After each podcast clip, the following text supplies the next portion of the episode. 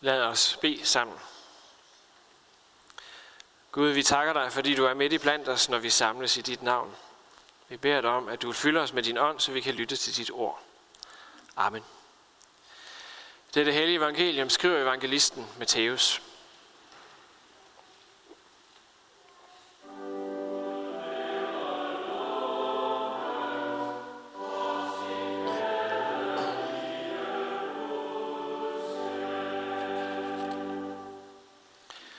Jesus sagde, det er med himmeriget som med en mand, der skulle rejse til udlandet og kalde sine tjenere til sig og betroede dem sin formue.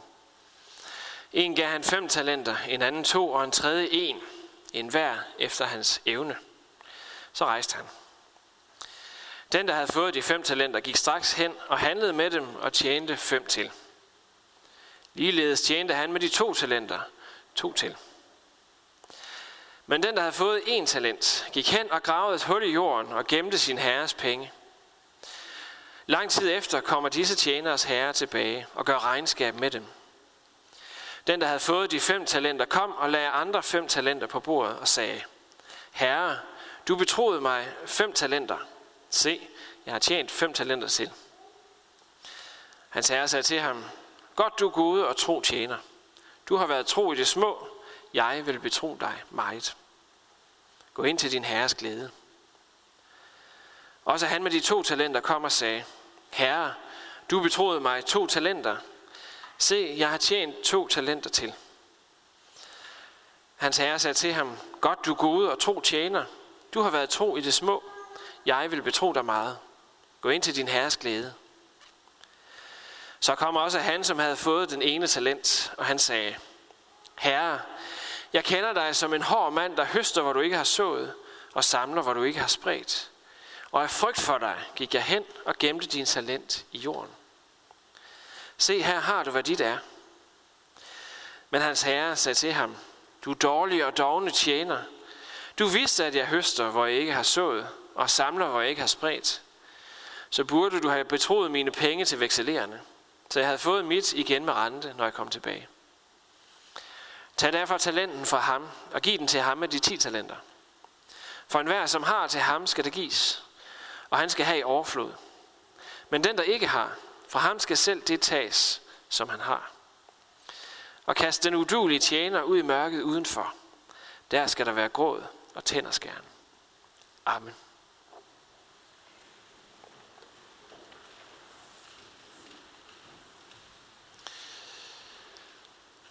Da jeg var teenager, vi snakker sådan slut 90'erne her, der var jeg til et par koncerter med sådan en kristen singer-songwriter. Øh, altså sådan en, der sad med sin guitar og spillede nogle sange omkring tro, omkring kristendom osv. Og jeg fik også købt en CD eller to af ham, fordi jeg synes egentlig, at han spillede ret godt. Ham her, han hed Eli, øh, sådan en amerikaner. Han øh, har en af sine sange, han kalder den for The Lumber Song, altså sangen om tømmer. Altså tømmer, som i brædder og bjælker og så videre, som man skal bygge et hus af. Tømmer. Sangen om tømmer. Og i den her sang, der følger vi en mand, som dør og kommer op i himlen. Og den her mand kommer op til himlens port og banker på, og Sankt Peter åbner op. Vi kender rigtig mange vidigheder, der starter på den måde, tænker jeg. Det her var ikke en vidighed.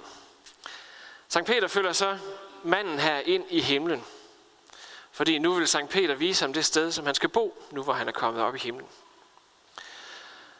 Og så går de ned ad en vej, og det første de ser er sådan et kæmpe stort hus, bygget af sten, som er solidt, som nærmest er et helt palæ at kigge på. Og Sankt Peter følger den her mand, ja, videre. Det var altså ikke det hus, han fik. Og sådan følger Sankt Peter manden videre og videre ned ad gaden her. Og husene, ja, de bliver ringere og ringere. Så til sidst, så standser de for en lille skur, en lille hytte, hvor der er to små rum i, bygget af træ. Det ser ikke så solidt ud.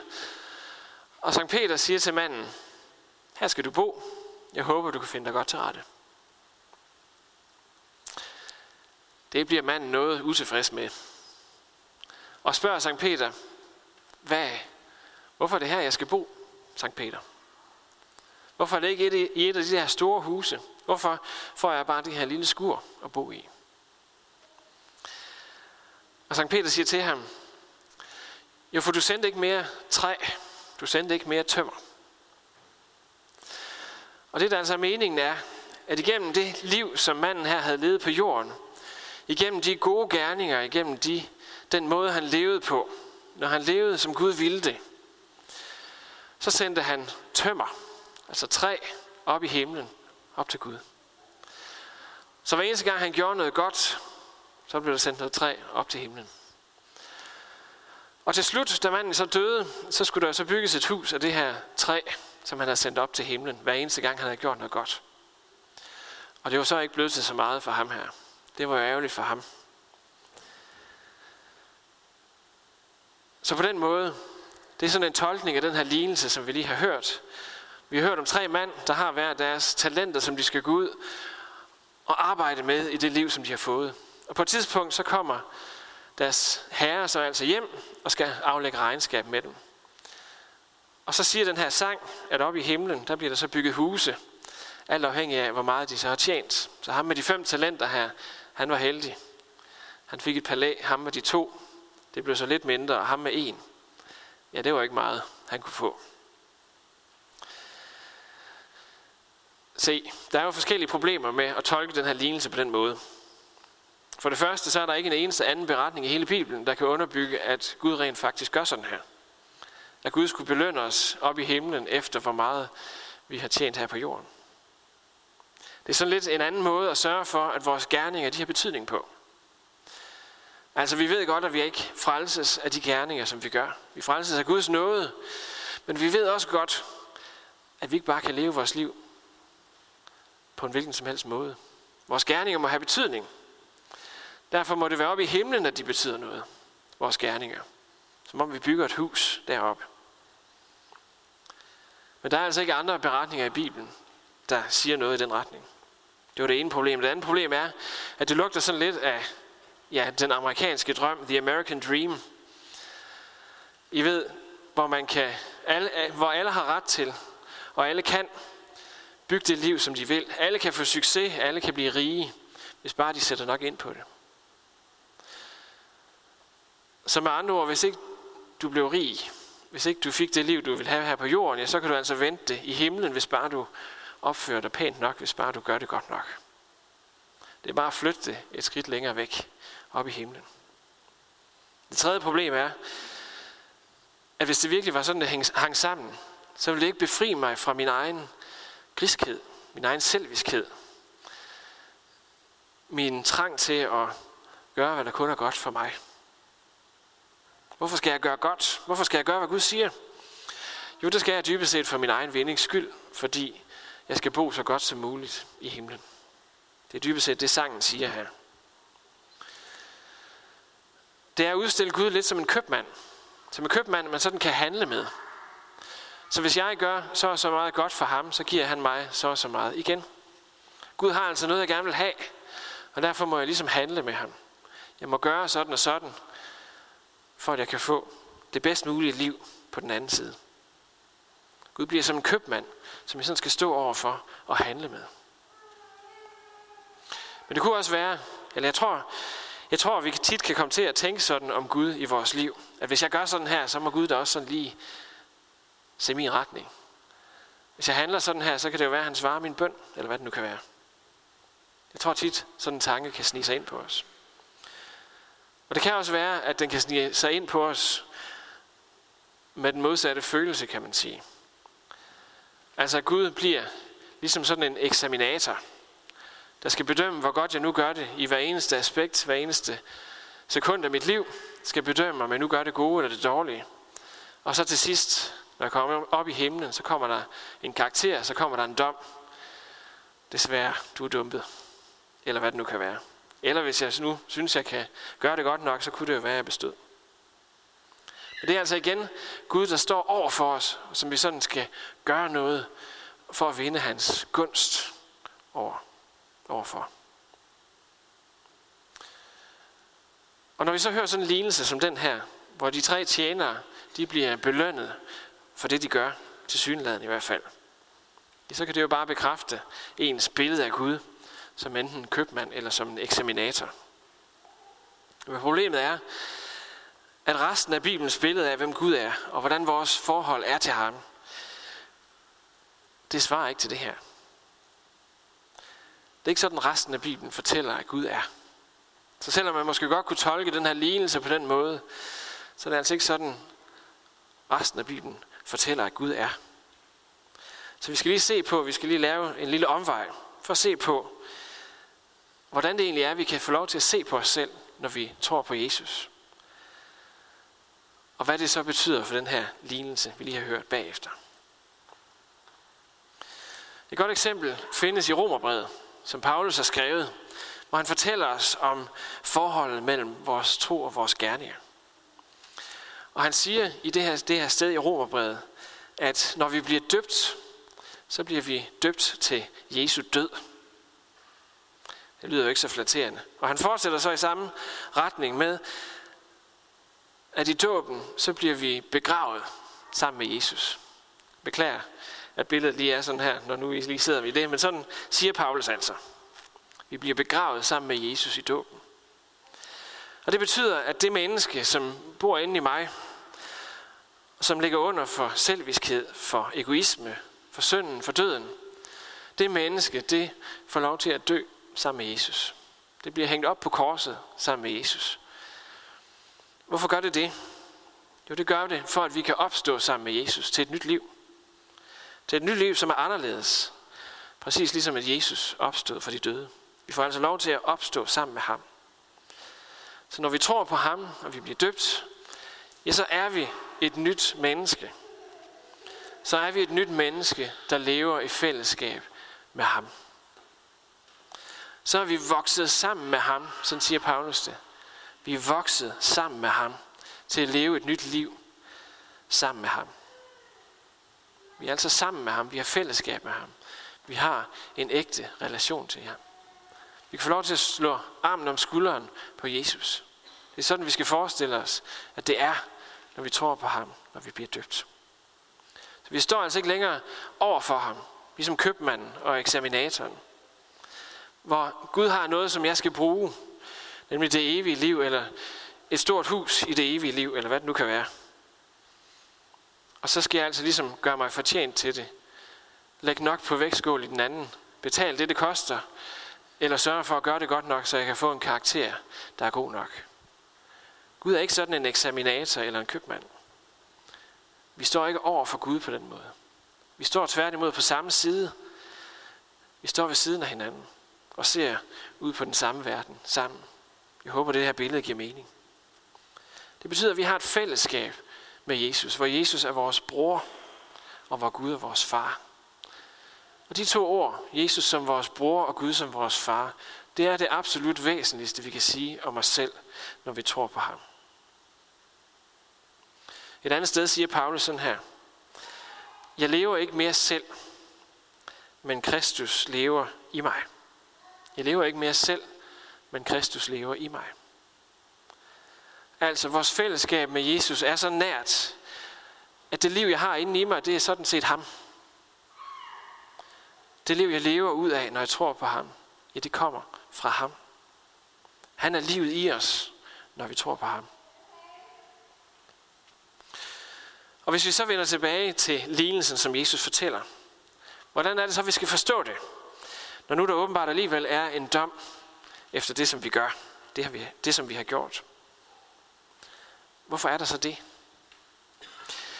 Så jeg tror, vi kan sammenligne den her situation med en anden relation, som mange af os i hvert fald kender, nemlig et ægteskab. Jeg tror, man kan sammenligne vores forhold til Gud med et ægteskab. I et ægteskab er det sådan, at hvis det skal fungere godt, så må man ligesom handle efter, at man er gift med den her anden person. Hvis ikke man handler efter, at man er gift med en anden, så går det på en eller anden måde galt. Man må handle over for sin mand eller sin kone på en måde, så man bliver knyttet tættere og tættere sammen, i stedet for at handle, så man udnytter hinanden. Det tænker jeg giver nogenlunde mening. Det vil altså sige, at man behandler hinanden med respekt, at man en gang imellem sådan lige gør lidt ekstra, for at den anden skal føle sig ekstra værdsat. Det betyder selvfølgelig, at man aldrig, aldrig nogensinde lyver for hinanden. Så udnytter man hinanden.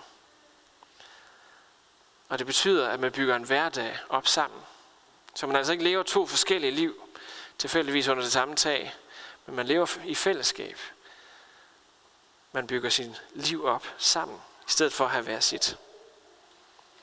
Og hvis man handler sådan, ja, så bygger man sit ægteskab op. Hvis man ikke gør, så nedbryder man sit ægteskab. Så ødelægger man det. Eller man kunne sige det på en anden måde. Hvis man handler sådan, så er man trofast over for hinanden. Og hvis man ikke gør, så er man i en eller anden forstand utro over for hinanden. Så skal vi altid huske, at det er sådan i et ægteskab, at der ikke er nogen af os, der er perfekte. Så nogle gange gør vi ting, som vi egentlig ikke ville, eller som vi egentlig godt ved, vi burde lade være med over for hinanden. Og så må vi sige undskyld. Vi må bede om, vi må bede om tilgivelse. Og vi må også være villige til at række tilgivelse, når den anden har såret os. Og lidt på samme måde, som det er i et ægteskab, sådan er det også med vores tro på Gud. Vores tro og vores gerninger hænger sammen. Og det gør de, fordi vi er hele mennesker. Fordi vi ligesom hænger sammen, som vi er. Vi både tænker og føler og handler. Og derfor er troen også med i både vores tanker, vores følelser og vores handlinger. Så når vi handler, så må vi handle i overensstemmelse med vores tro. Eller man kan sige, hvis man skal sige det på en anden måde, at vores gerninger afslører vores tro. Ligesom i et ægteskab, hvor vi må handle i forhold til, at vi er gift med en anden, så må vi også, når vi tror på Jesus, handle, som om vi er vokset sammen med ham. For det er det billede, Paulus giver os. Det er sådan, det er med os, når vi tror på ham, når vi tror på Jesus. Det gør de to tjenere i den her beretning, vi hørte før. De to tjenere handler, som om de var tjenere af deres herre. De gør, hvad deres herre har sagt. De går ud og handler med de penge, som de er blevet betroet, og pengene vokser. De to tjenere, de handler i overensstemmelse med, hvem de er, nemlig tjenere af deres herre. Og læg mærke til, hvorfor de her tjenere bliver rost. Bliver de rost, fordi de har tjent mange penge? Nej. Herren sagde til den sidste tjener, at han kunne bare have givet pengene til vekseleren. Så har han fået lidt ekstra. Det havde åbenbart været nok. Det er altså ikke det, at de har tjent penge, der er rost. Det er heller ikke det, at de har været flittige med deres penge. Det er faktisk heller ikke det, de bliver ros for. Det, de bliver ros for, det er deres trofasthed. Det er det, Herren roser dem for. Han siger, godt du er gode og tro, tjener. Tro, altså trofast. Så det er altså deres trofasthed imod, hvem de er. Imod, at de er hans tjenere. Det er det, de bliver ros for. Det er ikke deres profit eller deres flid. Den sidste tjener, hvad så med ham? Hvad skal vi sige til ham? Ja, dybest set så afslører han jo, at han slet ikke har lyst til at være den her herres tjener. Han ønsker egentlig slet ikke at være der, hvor han er. Jeg kender dig som en hård mand, siger han. Du er streng at være tjener under. Det er hans opfattelse af tingene. Og derfor så handlede han heller ikke, som om han var mandens tjener. Hans gerning er afsløret, kan man sige, en anden tro. Et andet tilhørsforhold. Han tilhørte ikke den her herre. I hvert fald ikke i sit hjerte. Og derfor handlede han heller ikke derefter. Men vi, der tror på Jesus, vi må have lov til at tænke anderledes om ham, end at han er en hård mand. Tværtimod, så må vi få lov til at se os selv som nogen, der er vokset sammen med ham i dåben. Vi må se på os selv, ligesom man gør i et ægteskab, som nogen, der hænger uløseligt sammen med Jesus. Det er det, det, vi gør. Vi hænger uløseligt sammen med ham. Og det betyder også, at når vi tror på ham, så må vi se os, hvis vi skal spejle os i den her lignelse, ikke som den sidste tjener, men som de to første. Sådan må vi se på os selv, når vi tror på ham. Og de fejltrin, som vi kan gøre i vores liv, de ændrer ikke på det. Så må vi gøre, ligesom man gør i et ægteskab. Nemlig sige undskyld. Bed om tilgivelse. For den vil Gud gerne række os. Så den frimodighed må vi altså have, når vi tror på Jesus. At vi må være ligesom de to tjenere. At det er sådan Gud ser på os. Og vi må have den frimodighed, at selvom vi måske ikke engang selv lige kan se det, at så bærer vores liv en frugt, der svarer til, hvem han er. Der svarer til, hvordan vores fællesskab med ham er. Hvis det er det, der er vores hjerte og vores ønske, så er det sådan, det er. Hvis det er det, der er vores tro, så er det sådan, det er. Så vil vi vokse sammen med ham i dåben. Så tilhører vi ham helt og holdent. Og det kan der ikke rokkes ved. Lad os bede sammen.